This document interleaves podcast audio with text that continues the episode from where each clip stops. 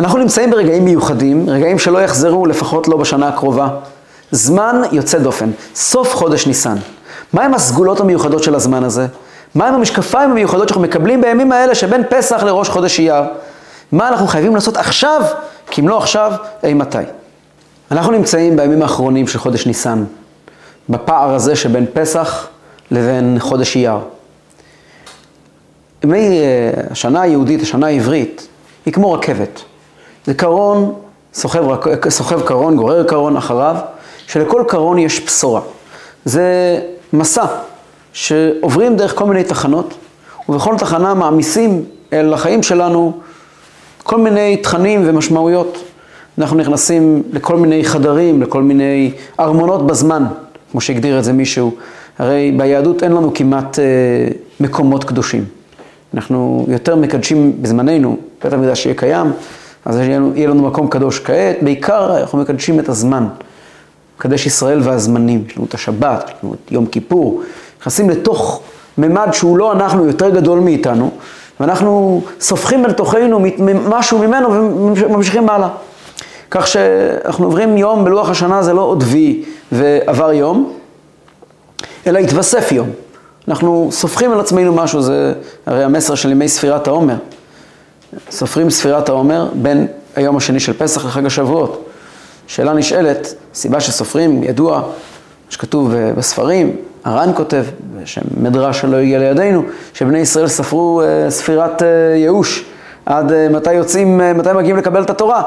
כן, מיציאת מצרים חיכו לקבל את התורה, מתי הם מקבלים את התורה? הם הלכו וספרו. אבל לפי זה נשאלת השאלה המפורסמת, אם ככה הספירה הייתה צריכה להיות, ביום הראשון היו צריכים לספור 49, ביום השני 48, ספירה לאחור. אנחנו מחכים לזה, נכון? הולכים וסופרים, זה הולך ופוחת. למה אנחנו אומרים היום יום אחד לא אומר, שני ימים לא אומר? והתשובה, הזמן ביהדות הוא דבר עם משמעות, עם תוכן. אנחנו לא מצפים לדבר שיגיע בעתיד. אנחנו מטפסים על מדרגות כדי להגיע אליו. וכל יום אנחנו עורמים, לוקחים ביום את היום הראשון, מניחים אותו על הרצפה, יש לנו יום אחד של הכנה. ביום השני יש לנו כבר שני ימים. ביום השלישי אפשר כבר לטפס עליהם, שלושה ימים, שבוע אחד, שני, אה, שני שבועות. ו- ו- וכן הלאה, עד שמגיעים ל-49 ימים ואפשר להגיע אל מתן תורה. אנחנו סופרים את ההכנות שלנו, לא סופרים את הציפייה. ככה בעצם כל השנה כולה. אנחנו כל יום, כל תאריך בלוח השנה, הוא בעצם משהו לטפס עליו, לעמוד מעליו כדי להתקדם קדימה. ולמעשה כל חיי האדם, הוא עומד ומטפס ומטפס ומטפס באמצעות הזמן, הזמן הוא הסולם שהוא מטפס. והסולם שלנו בנוי עם כל מיני קומות וכל מיני חדרים. ובאופן כללי יש שני קטרים לרכבת הזו. הקטר האחד הוא חודש ניסן, והקטר השני הוא חודש תשרי. דיברנו הרבה מאוד בקיץ הקודם על ההבדלים בין ניסן לתשרי, בעיקר דיברנו על תשרי. וכעת הגיע הזמן לדבר קצת על ניסן, ובמיוחד על סיום ניסן, על השבוע האחרון של חודש ניסן, שבו אנחנו נמצאים. ובכן, מה זה חודש ניסן? אז חודש ניסן הוא ראש חודשים, כך אומרת התורה. החודש הזה לכם ראש חודשים. השאלה הקדוש כותב שראש חודשים, כל יום בחודש ניסן הוא ראש חודש. מה זה ראש חודש? שוב אותו רעיון. אנחנו מדברים לא על תחילה, זה לא beginning of the year, אלא על ראש, the cup of the year, הראש של השנה. ראש זה דבר שמכיל בתוכו את הכל. הכל נמצא בראש, זה הכל בראש. ומהראש הכל מסתעף.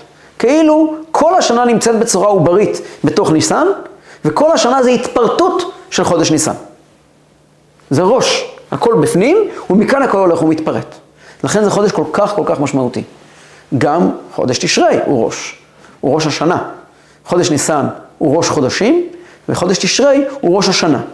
לכל אחד מהם משמעות משלו, הוא ראש בעניין אחר. כמו שגם בגוף שלנו, אנחנו יודעים, יש לנו את הראש, שהוא הראש של הגוף במובן אחד, את הלב שהוא ראש במובן אחר. כאן יש שני ראשים, כל אחד מהם הוא ראש במובן אחר.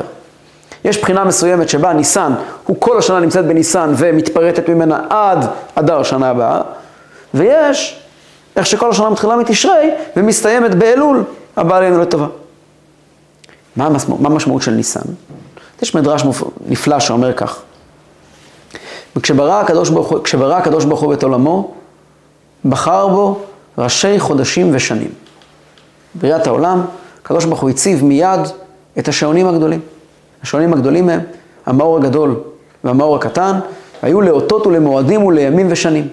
אנחנו סופרים את הזמן, חייבים, כדי לספור את הזמן, כדי ליצור, בעצם זמן הרי זה דבר שנוצר מתוך, מתוך תנודה כלשהי, כן? כל הזמן זה תוצר של שינויים. והשמש והירח הם, ההתמדה של השינויים שאנחנו מכירים, ולכן הזמן נספר מאז ומקדם באמצעות השמש והירח. החודשים באמצעות הירח, והשנים באמצעות השמש.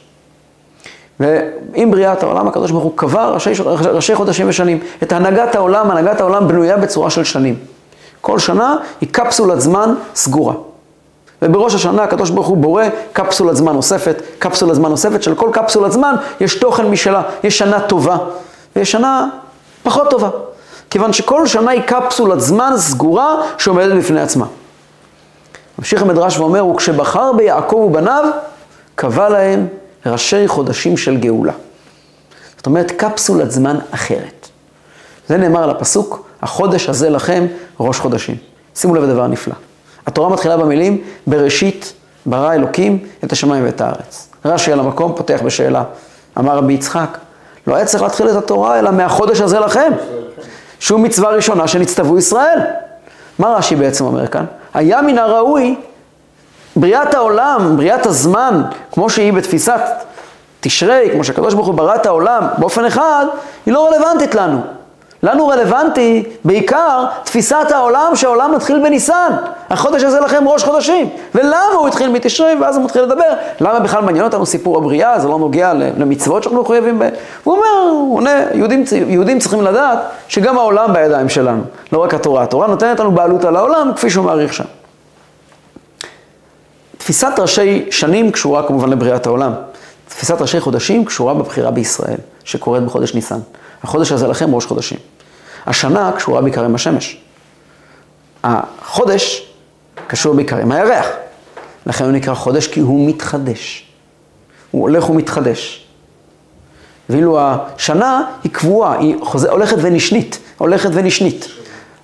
שנת החמה היא 365 ימים קבוע, באופן מאוד מאוד מאוד קבוע, אנחנו יודעים באיזה יום, בשנה הלועזית שבנויה לפי שנת החמה, מתחיל כל אחד מארבעת העונות, הכל מאוד מאוד מדויק.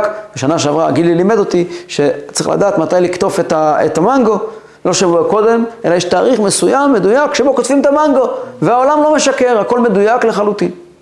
מה שאין כי בנוגע לחודש, כל חודש בפני עצמו עובר בלי סוף שינויים. יש את תחילת החודש. יש את אמצע החודש, יש את סוף החודש, הירח לא נראה אותו דבר. הירח כידוע קשור לאישה, גם אישה יש בה אה, שינויים חודשיים מאוד מאוד משמעותיים. כיוון שיש פה עולם אחר לגמרי של התחדשות, היכולת להתחדש. היכולת להתחדש, כמו שאומרים בקידוש לבנה, שהם עתידים להתחדש כמותה. עם ישראל הוא מתחדש כל הזמן. כשסוקרים את תולדות דברי ישראל, רואים שתולדות דברי ישראל נראים כמו ירח. עלייה וירידה, עלייה וירידה, עלייה וירידה, כל הזמן, בצורה מאוד מאוד מחזורית, ממש מדויקת. למשל, כתוב בזוהר הקדוש, למה בית המקדש חרב בימי צדקיהו המלך? אומר הזוהר, זה לא קשור לשום דבר מסביב. הירח כבר היה גמור. אצל שלמה המלך, הירח היה בשיאו. ואצל אצל חזקי, צדקיהו, שהיה 15 דורות אחרי, אה, אחרי שלמה, שלמה הוא דור 15 לאברהם אבינו, אז הלבנה היא בשיאה, ואז היא הולכת ומתמעטת. אצל צדקיהו הוא פשוט נגמר, אז, אז, אז נחרב את המקדש. מילא המצב הרוחני של בני ישראל היה כזה וכזה. כלומר, אנחנו עומדים ומסתכלים ומציגים אצבע מאשימה כלפי הדור, צריכים לזכור דבר נורא פשוט.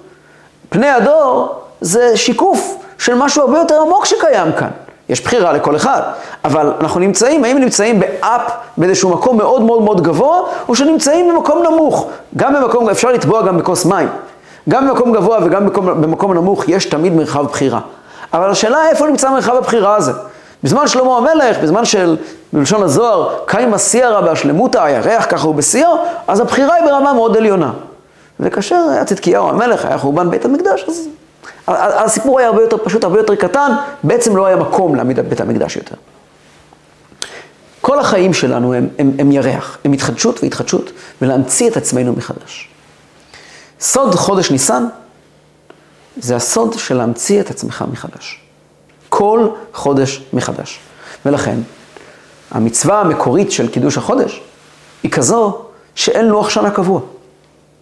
בית הדין, למרות שיש לו את כל החישובים המדויקים של מהלך הלבנה, כפי שהרמב"ם מעריך ומראה, מי שלומד רמב"ם הלכות קידוש החודש יכול ללמוד אסטרונומיה מדויקת כמעט על האלפית, לא השתנה, לא השתנה כמעט כלום מאז. ויודעים הכל מראש, יודעים הכל, אפשר ליצור לוחות של 200 שנה קדימה, אלפי שנים קדימה. ובכל זאת, התורה מצווה שבית הדין יכריז כל חודש מחדש על החודש מקודש מקודש. יבוא ויחליט מתי ראש חודש. בעזרת השם כשמשיח יבוא, אז יחזור בית הדין להחליט על ראש חודש, ולנו תהיה אפליקציה שתהיה מחוברת לבית הדין הגדול בירושלים. והיא תעד, היא, היא פשוט תעדכן אוטומטית את לוח השנה שלנו באופן אוטומטי כל ראש חודש. כי החודש העברי מתקייל כל ראש חודש מחדש. אגב, דבר מופלא, הרמב"ם כותב דבר מדהים. אנחנו יודעים שלנו היום יש לוח שנה קבוע.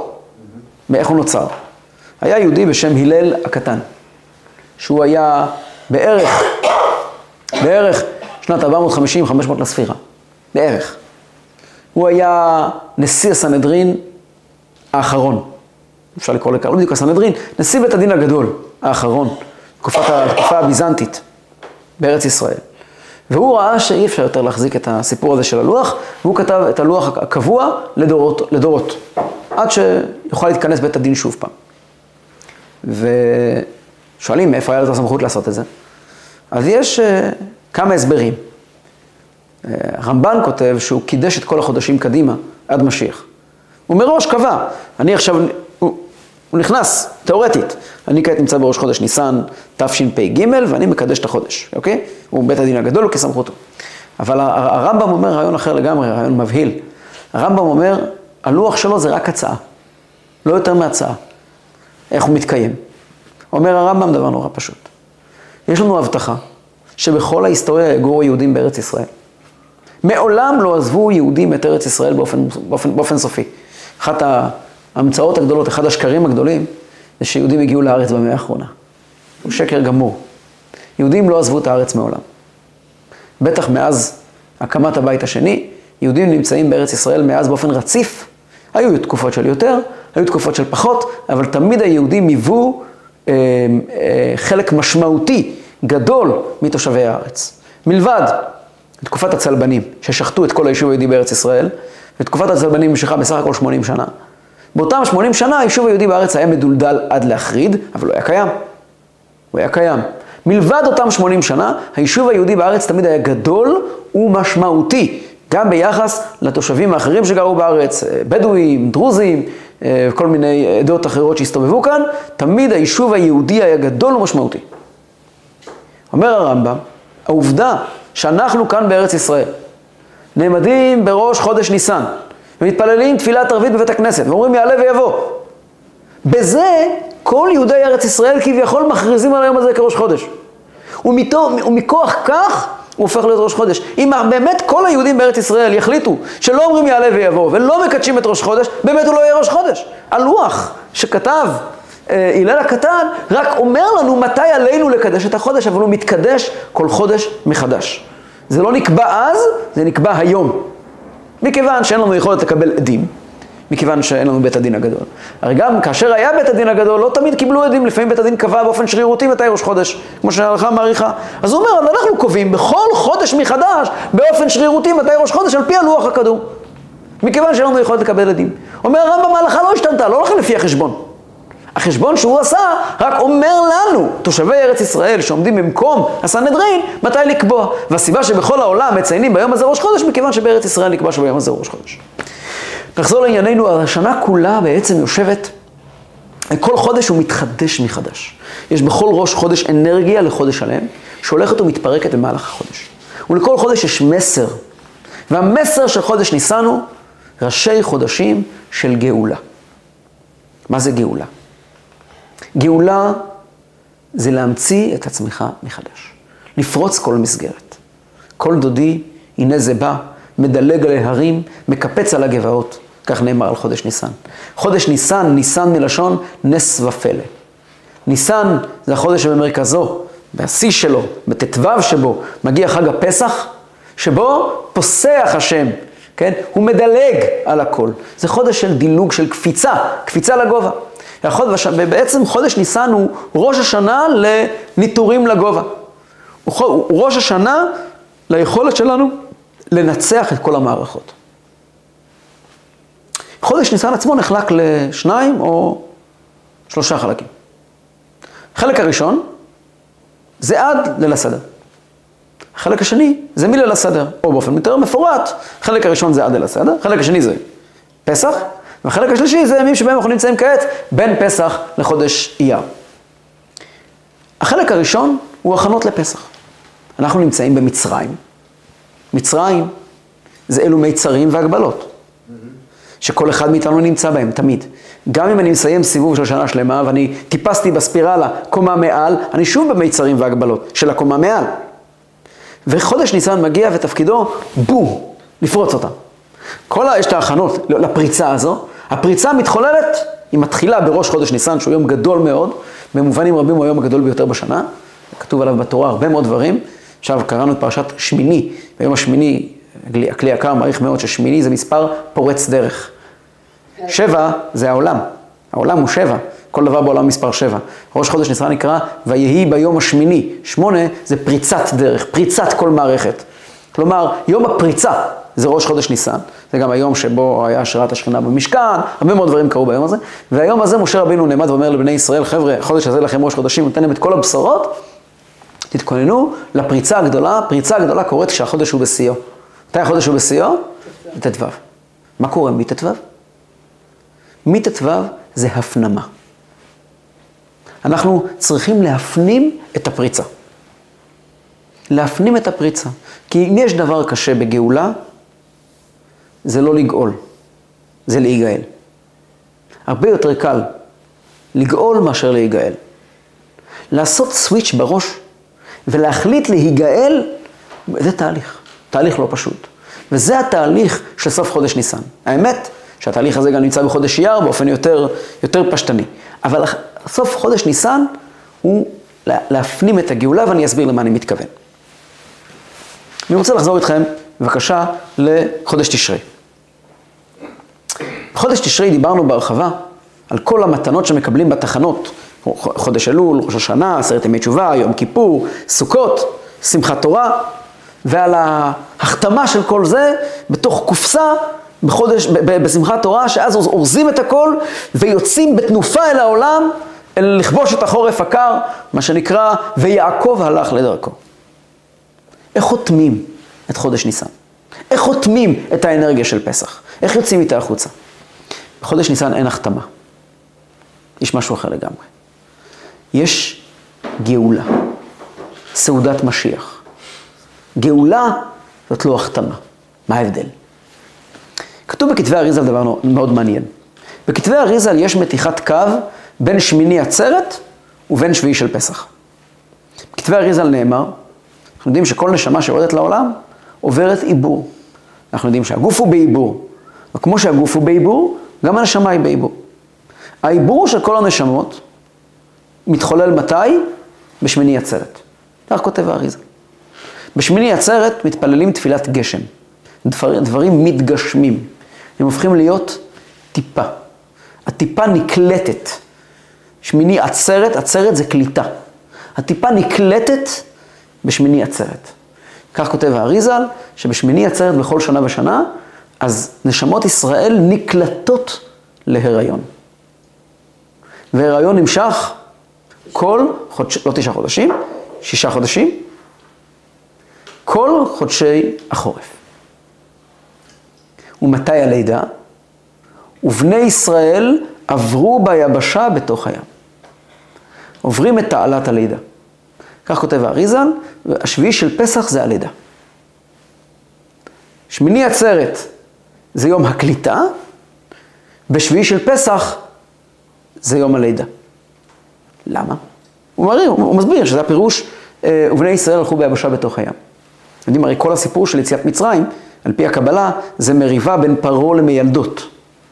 מי שפותח את ספר שמות, מיד בהתחלה רואה שהאויבים של פרעה זה מיילדות. יש לו משהו נגד לידה.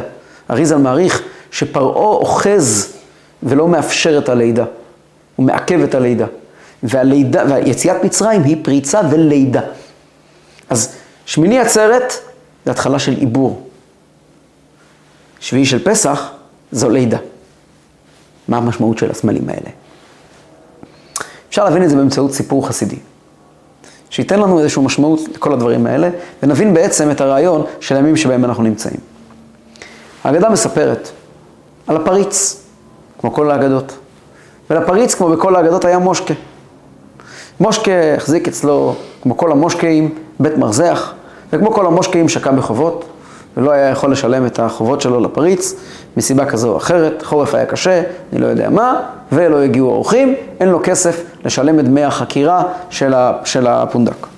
וכמו כל פריץ וכמו, וכמו כל מושקה, קורא המושקה לפריץ ואומר לו, כן, אומר לו בדיוק כך, מה הוא אומר לו? הוא אומר לו, תקשיב בחור, אתה עכשיו נכנס אצלי לבור, לבית הכלא, עד שתשלם. נו, איך הוא ישלם מתוך בית הכלא? פה נזקקים לזה צדיק, אוטו מופת. בסיפור שלנו אין. היהודי המסכן, מושקה המסכן, יושב לו בבית הכלא, ושר לו ניגון כזה, ויושב לו שם, וממתין לגזר דינו, יושב אה, רעב למוות. יום אחד, מעלה מושקה את הפריץ מהבור, אומר לו, תקשיב מושקה, עליתי על רעיון גאוני איך לשלם את החוב שלך. נו, איך? אני אגיד לך איך. אתה תוכל לשלם את החוב שלך, ואנחנו נסגור בינינו את העסקים בשלום. איך? אני אגיד לך, בוא נעשה עסקים. שבוע הבא יש לי יום הולדת. אני ליום הולדת שלי הזמנתי את כל פריצי הסביבה למסיבת ענק. שכרתי את האצטדיון הכי גדול פה בעיר, הקרובה. וכל הפריצים מכל האזור, בעלי האדמות, האדונים, יבואו כולם וכל אחד קנה כרטיס בכמה מאות רובלים. מכל הכרטיסים ביחד אפשר לממן את, ה... את, ה... את החוב שלך ועוד להישאר עם עודף. מה אני צריך ממך? אה, אתה ההופעה. מה, מה התפקיד שלך? מאוד פשוט. אתה צריך ללכת מכות עם דוב. אני, במסעות הציד שלי, תפסתי איזה דוב, אה, מה יש בסיביר? זה דוב ככה טוב, גדול ורעב, עכשיו הוא קם משנת הקיץ, משנת החורף שלו, הוא קם רעב, ואנחנו נביא אותו, את הדוב שלנו, אל, ה... ואתה תלך איתו מכות. ולפריצים יהיה הנאה גדולה, וככה נשלם את החוב שלך. אתה אומר, פייר, לא פייר? היהודי המסכן, יש לו, הוא לא בדיוק, הוא לא בדיוק נשאל כדי לקבל תשובה, זאת הייתה שאלה רטורית. הוא מתחיל לבכות, אבל מה יכול לעשות? תרחם עליי, תרחם עליי. תקשיב, אנחנו צריכים לשלם את החוב שלך, זה לא עובד ככה. הוא מחזיר אותו לבור, והיהודי יושב בבור וחוזר בתשובה על כל מעשיו ומחשבותיו שהוא חשב ועשה ודיבר מיום היותו ועד אותו יום. ומתכונן להחזיר את נפשו על הקדוש ברוך הוא, ומתחיל לחשוב על היום שאחרי, על גן עדן, ומה הוא לוקח איתו לשם, ועוסק בתורה ותשובה ומעשים טובים. מגיע היום המיועד, והפריץ מוציא משה את משה, את משה, את מושקה, את מושקה מן הבור, העמיד אותו לפניו ואומר לו, מר מושקה, תקשיב טוב, הגעתי למסקנה שהמשחק שלנו בעוד כמה שעות לא הולך להיות מוצלח. פריצים הגיעו, יש פה, הגיע, פריץ הגדול הגיע מהעיר הרחוקה שמה, מה, מהיישובים שם ליד הקצה השני של רוסיה, כולם הגיעו, שמעו משחק כזה מיוחד, אני, לפי הערכה שלי, המשחק ייגמר בתוך כמה דקות. אני לא יודע מי ינצח, אבל לפי הערכה שלי, כמו שאני מכיר את הכוחות הזה, אני חושב שהסיפור הזה הולך להיגמר מאוד מאוד מהר, ולכן אני חשבתי שצריכים להוסיף קצת טעם, פלפל, לסיפור, אחרת אנשים הרגישו שהכרטיס שלהם הלך לשם. נו, מה אתה מציע? אומר לו הפריץ, תקשיב, אני פעם אחת, בטעות, הרגתי דוב. יריתי בדוב באיזה מסע, ואני פחלצתי אותו. יש לי את האור שלו. יש לו ריצ'רץ' מאחורה. אתה תיכנס בתוך האור של הדוב. ובתור דוב, תריב עם הדוב. אתה תגש אל הדוב, הדוב לא יזהה, ויהיה מעניין.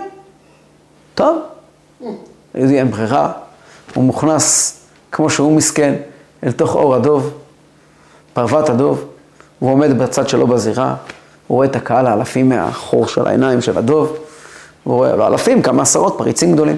ומצד השני הוא רואה את הדוב השני מחרחר, מגרגר, קצף יוצא לו מהפה והוא מוכן למזומן לטרוף אותו חי. והשריקה, ופותחים לו את השער, הוא מתחיל ללכת לכיוון הדוב השני, והדוב השני מתחיל ללכת לכיוונו, והוא שומע את הנשימות של הדוב. אז הוא לא מסוגל להתאפק, ברגעים האחרונים הוא שואג, אומר מה יש לו להפסיד. שואג את הנשמה שלו, שמע ישראל, השם אלוקינו, השם אחד. ופתאום הוא שומע את הדוב השני צועק כנגדו, ברוך שם כבוד מלכותו לעולם ועד. מה מתברר? יש לפריץ עוד מושקה. הוא מחזיק שני מושקעים במקביל, יש לו מספיק בורות בשביל כולם. בקיצור, ההצגה נגמרה. תפיסת תשרי נקראת תפיסת בעלי תשובה. בעל תשובה רואה בעולם אויב. הוא רואה את העולם כמו דבר נורא מפחיד. יש בזה הרבה צדק. הוא שואף אל הקודש, הוא רוצה לברוח מפה. וכשמגיע, מסתיים חודש תשרי והוא יוצא משוגר אל המערכה החורפית, הוא מתלבש בדובון. הוא לובש דובון. הוא לוקח את כל הכוחות של חודש תשרי, ושמחת תורה רוקדים כל הכוחות, עם בקבוק משקה ביד, ועם, ועם ספר תורה ביד ימין, ורוקדים ורוקדים ורוקדים, מבטיחים אנחנו הולכים לקרוא את החורף, ואנחנו נעשה את זה בעזרת השם, לא מפחדים. חורף זה שישה חודשים ארוכים, בלי פעם אחת. אתה בחרתנו מכל העמים, פעם כך שמעתי את הרבי מגדיר את החורף. שישה חודשים שלא אומרים בהם אפילו פעם אחת, אתה בחרתנו מכל העמים. ימים חשוכים, אין חג אחד בחורף.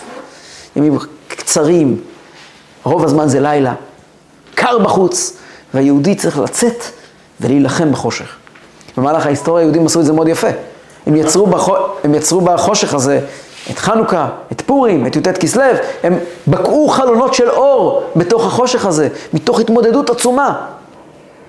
חודש ניסן מגיע ואומר ליהודי, דחילק, תפשוט את הדובון, חם בחוץ, תפקח עיניים של גאולה. תלמד להסתכל על העולם אחרת. זה נקרא חודש של צדיקים. הצדיק לא רואה בעולם אויב. הצדיק לא רואה בעולם התנגדות. יש פסוק, לא יאונה לצדיק כל אבן. לצדיק, צדיק זה תפיסת עולם, ויאמר כולם צדיקים, שמסתכלת על העולם בציניות, בבוז, ואפילו בסוג של ניצול. וניצלתם את מצרים. מצרים זה מקום להשיג ממנו כל מיני דברים, לא יותר מזה. ההתייחסות לעולם בבוז, בחיוך, זה מקבלים בחודש ניסן. יציאת מצרים עשתה מכל מצרים, מכל מיצרים והגבולות של העולם, עשתה מהם חוכא ואטלולא. למען ידעו, למען תספרו, תספרו, תספר, תספרו, נו, את אשר התעללתי במצרים, ואת אותותיי אשר שמתי בם וידעתם כי אני השם. מה אתם לוקחים ברצינות? בסך הכל עולם. מה? קם דאון, מה מדובר? אתה עולם, אתה מדבר, חורף גדול, אה, שטויות, זה סך הכל עולם. יש לך נשמה, אתה נבחרת, אתה בחרתנו מכל העמים, מתחילים את חודש ניסן, מיד בחג הפסח מתחילים ואומרים כל תפילה ותפילה בחג הראשון, אחרי זה כל יום ויום אומרים את זה במוסף, ושוב פעם בשביעי של פסח, ועוד יהיה לנו את זה להגיד את זה בשבועות, ו- ועוד פעם. כל הקיץ אנחנו בתודעה של אור. זה הבדל בתודעה. את התודעה הזו שאתה לא אויב שלי, היא באה לדבר, היא מדברת בגובה העיניים אחר לגמרי עם המציאות. אני אתן דוגמה. יש uh, הפיתוח של, של הרדיו. כשהרדיו התפרסם, התחילו להיווצר תחנות רדיו, הרבה יהודים חרדים לדבר השם, ראו ברדיו אויב. תכנים שמשודרים ברדיו זה אוי ואבוי. מה שהיה, היום אנחנו יכולים לדבר כבר טלוויזיה, והיום כבר יש אינטרנט ויוטיוב. בזמנו כל הרע בעולם התמקד ברדיו. והרבנים דרשו ודיברו שאסור להחזיק רדיו, ו...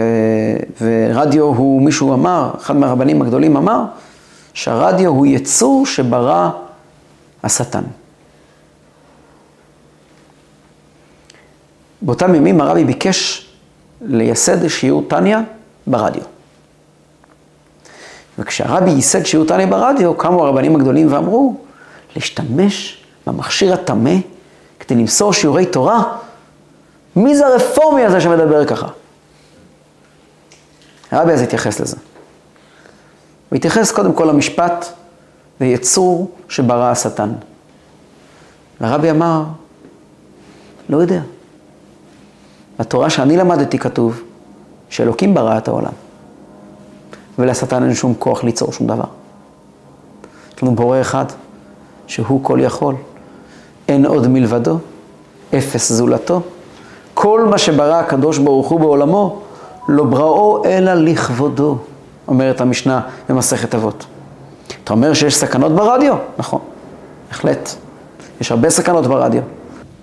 הרבי אז אמר, הרדיו, יש על זה חז"ל מפורש. חז"ל אומרים, לא נברא זהב אלא בשביל בית המקדש. מרבית הזהב בעולם שימש באותם ימים לעבודה זרה. אבל עבור מה הוא נברא? הוא נברא עבור בית המקדש. זה של בית המקדש, זה מיועד לבית המקדש.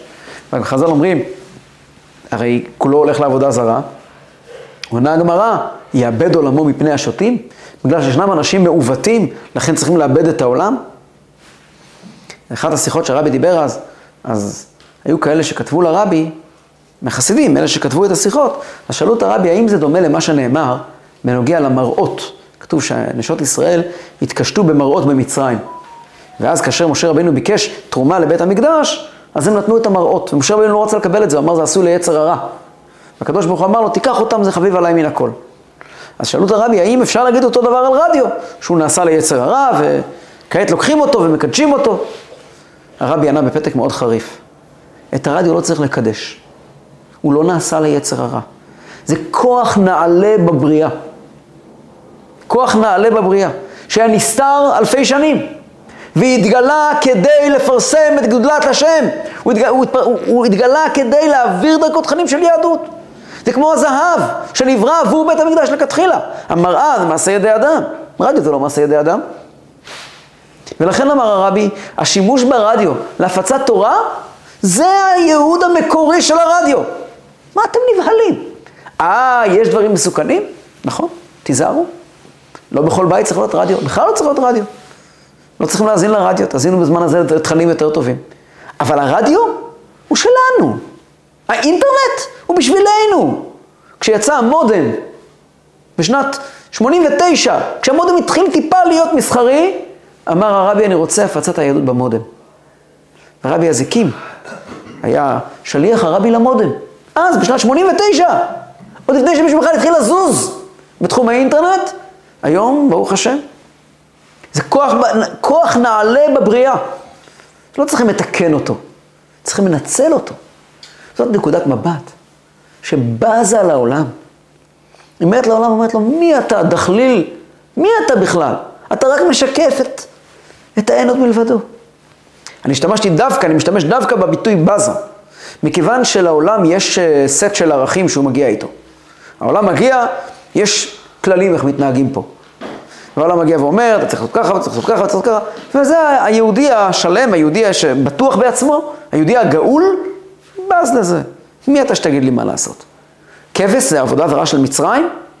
יכול לקח אותו ולהקריב אותו לקדוש ברוך הוא. לא נתקן אותו. הוא נוצר עבור זה.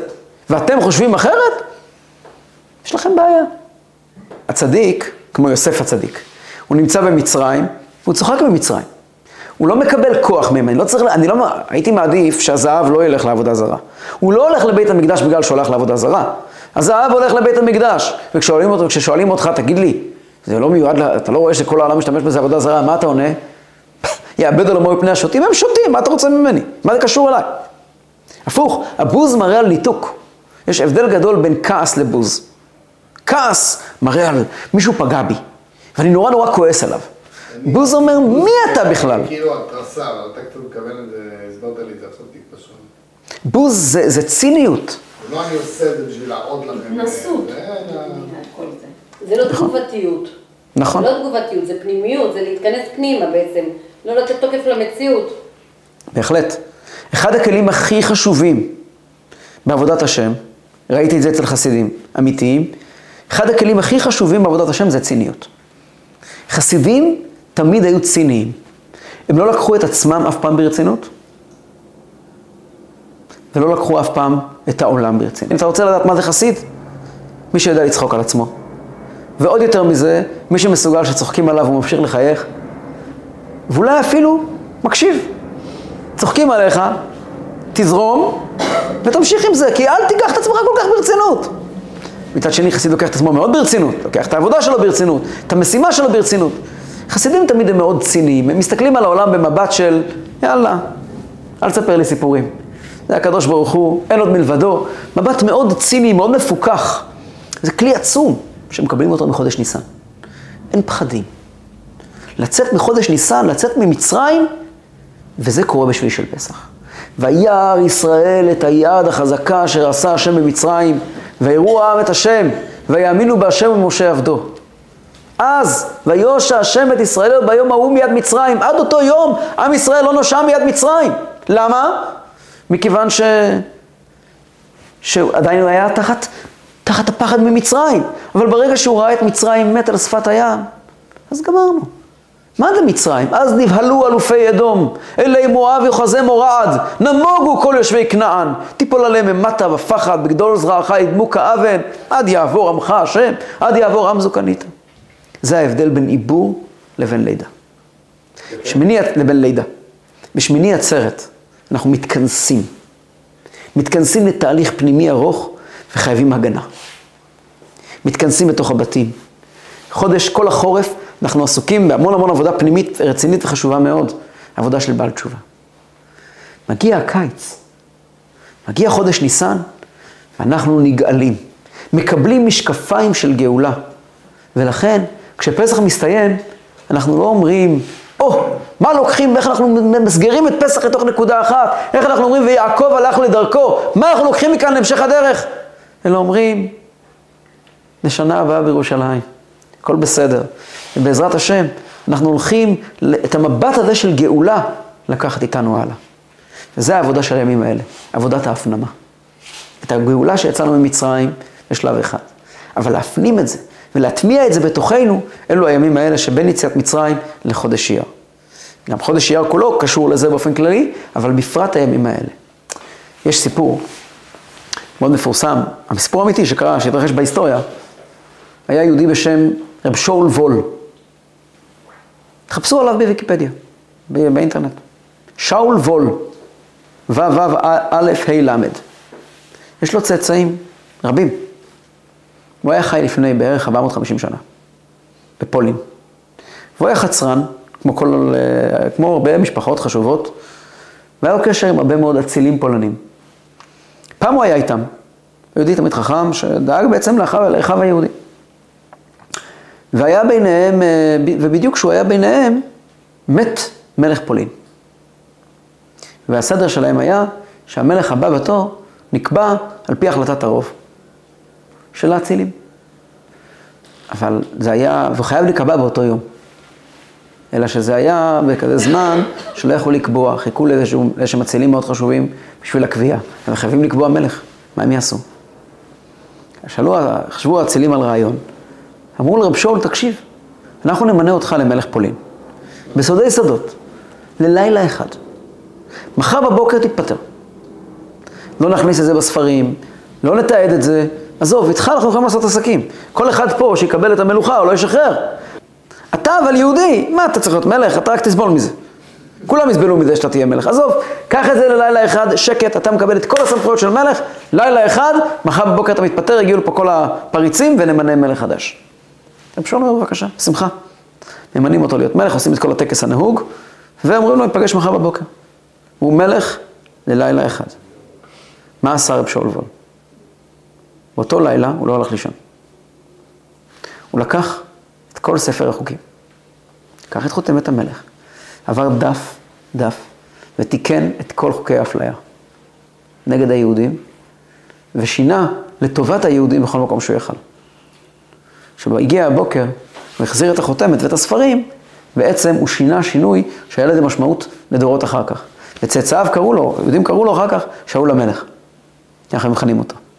היה רב שאול וול, יש משפחת כצנאל בויגן, הם נכדים שלו, למשל. תפיסת הגאולה הזאת, שמתקבלת בחודש ניסן, היא בעצם לתת לנו איזה מבט עילי על המציאות, כי באמת באמת יש בנו צדדים בנפש שמתמודדים. יש בנו חלקים שאנחנו צריכים להתמודד. התפיסה של חודש תשרי היא לא טעות. יש מקומות שבהם אנחנו מתמודדים, ויש רגעים שבהם אנחנו מקבלים איזה מבט עילי. מגיע חודש ניסן ואומר לך, ברגע שקיבלת את המשקפיים של גאולה, אתה מיד חייב לעשות מה שעשה רב שאול וול. באותו זמן שאתה מקבל את המבט המרומם הזה, קח מיד את החותמת ותעשה שינויים. וזה עבודת ספירת העומר. ספירת העומר זו עבודת המידות, שמגיעה ואומרת, אם יש לי את היכולת לבוז לכל, בוא נשנה. עכשיו אני יכול לשנות. זאת אומרת, עבודת המידות היא לא מגיעה מתוך חיכוך, מתוך כאב, בדיוק הפוך. היא מגיעה מתוך עוצמה, מתוך כוח, מתוך אמונה בצדקת הדרך.